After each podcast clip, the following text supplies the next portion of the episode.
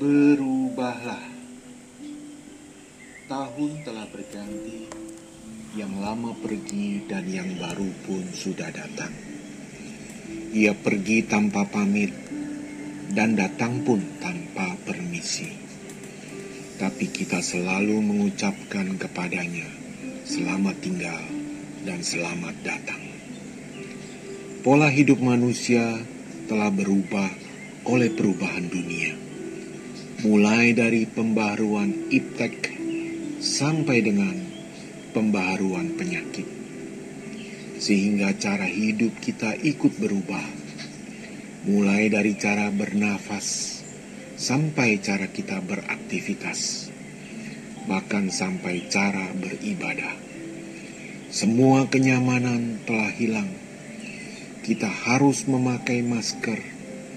Bernapas pun tidak nyaman lagi kita tidak dapat saling mengenal wajah sesama dengan jelas.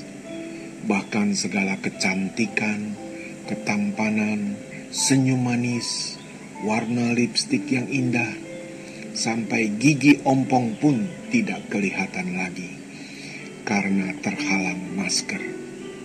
Segala aktivitas pun berubah. Semua dilakukan dari rumah, kerja dari rumah, sekolah dari rumah, belanja dari rumah, bahkan ibadah pun juga dari rumah. Perasaan hati pun ikut berubah. Ke mana pun melangkah terasa khawatir dan takut bisa-bisa terpapar COVID. Situasi yang berubah ini membuat kehidupan kita tidak senyaman dulu lagi.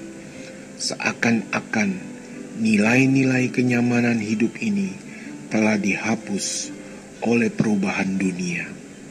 Mungkin juga kata COVID itu bisa berarti convenient of value is deleted.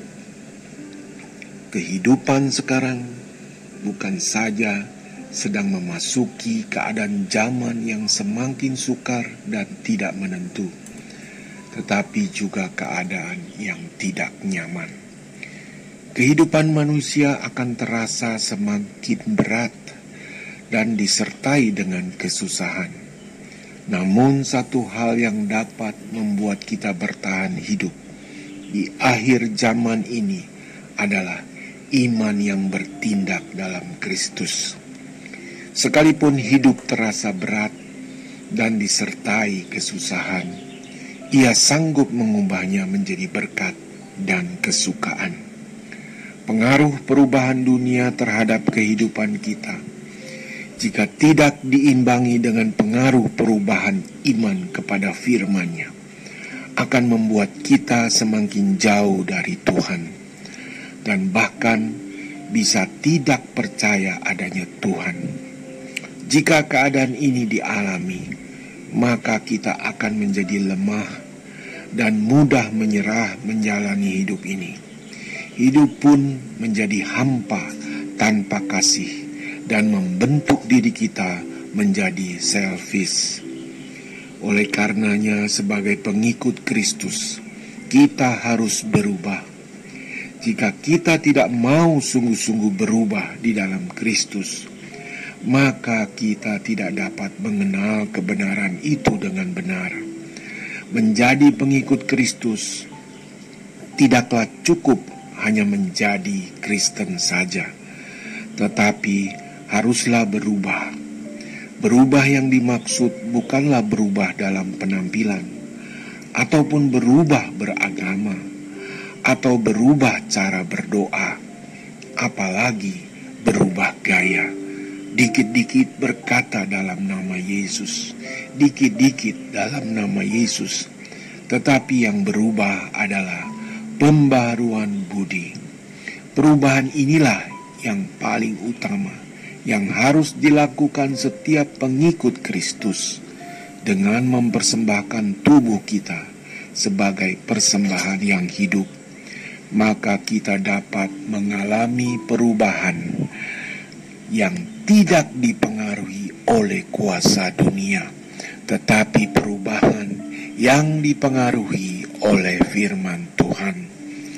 sehingga membuat kita berubah dalam pembaruan budi, dan yang dapat menjadikan setiap kita bisa mengenal mana kehendak Allah, apa yang baik, dan apa yang berkenan, dan apa yang sempurna kepada Allah.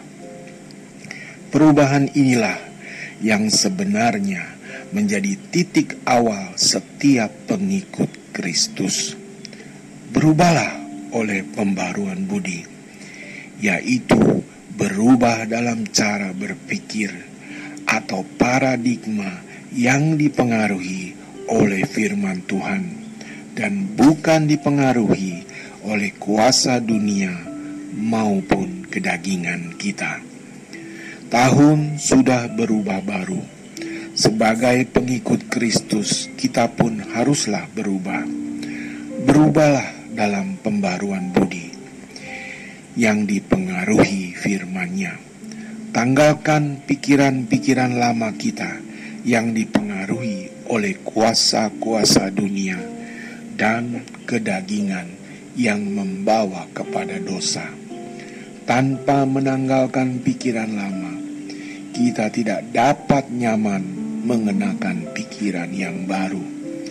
Penuhi sepanjang sisa hidup ini dengan hal-hal yang berarti bagi Tuhan, sehingga kita menjadi orang yang berbahagia, sekalipun kita tidak selalu memiliki yang terbaik, tetapi jadikanlah setiap yang hadir dalam hidup ini menjadi yang terbaik. Pengharapan kita dibentuk bukan saat kita berada dalam suatu kepastian tetapi di dalam kesabaran dan ketaatan. Kebahagiaan itu bukan selalu harus kaya atau harus sukses atau harus punya jabatan tinggi, tetapi kebahagiaan itu dapat diperoleh jika kita dapat bersabar di saat tertekan, jika kita dapat tersenyum walau dalam kesedihan, jika kita dapat bersyukur di saat kekurangan. Iman dibentuk bukan pada saat kita dalam kecukupan, tetapi dalam kekurangan. Berubahlah oleh pembaruan budi, agar kita menjadi dewasa rohani, berkualitas, dan berharga di mata Tuhan. Jika kita lemah, maka kita akan dikuatkan. Jika tahun 2020 segala masalah dan kesulitan hidup dapat kita lalui, maka sepanjang tahun 2021 ini pun kita pasti bisa lalui dengan lebih baik daripada tahun kemarin. Sebab dialah Bapa Sorgawi El Siadai yang selalu memberikan kekuatan dan kesanggupan kepada kita untuk terbebas dari segala penderitaan dan kesesakan. 2 Korintus pasal 5 ayat yang keempat mengatakan, Sebab selama masih diam di dalam kemah ini, kita mengeluh oleh beratnya tekanan. Karena kita mau mengenakan pakaian yang baru itu tanpa menanggalkan yang lama supaya yang fana itu ditelan oleh hidup. Selamat memasuki tahun baru 2021 dan berubahlah oleh pembaruan budi. Selamat beristirahat. Tuhan Yesus Kristus memberkati dalam istirahatmu. Amin. Terpujilah nama Tuhan. Terima kasih buat hambanya Bapak Pendeta Frankie Hilman yang telah bersama di dalam radio podcast Cendrawasih News. Tuhan Yesus memberkati.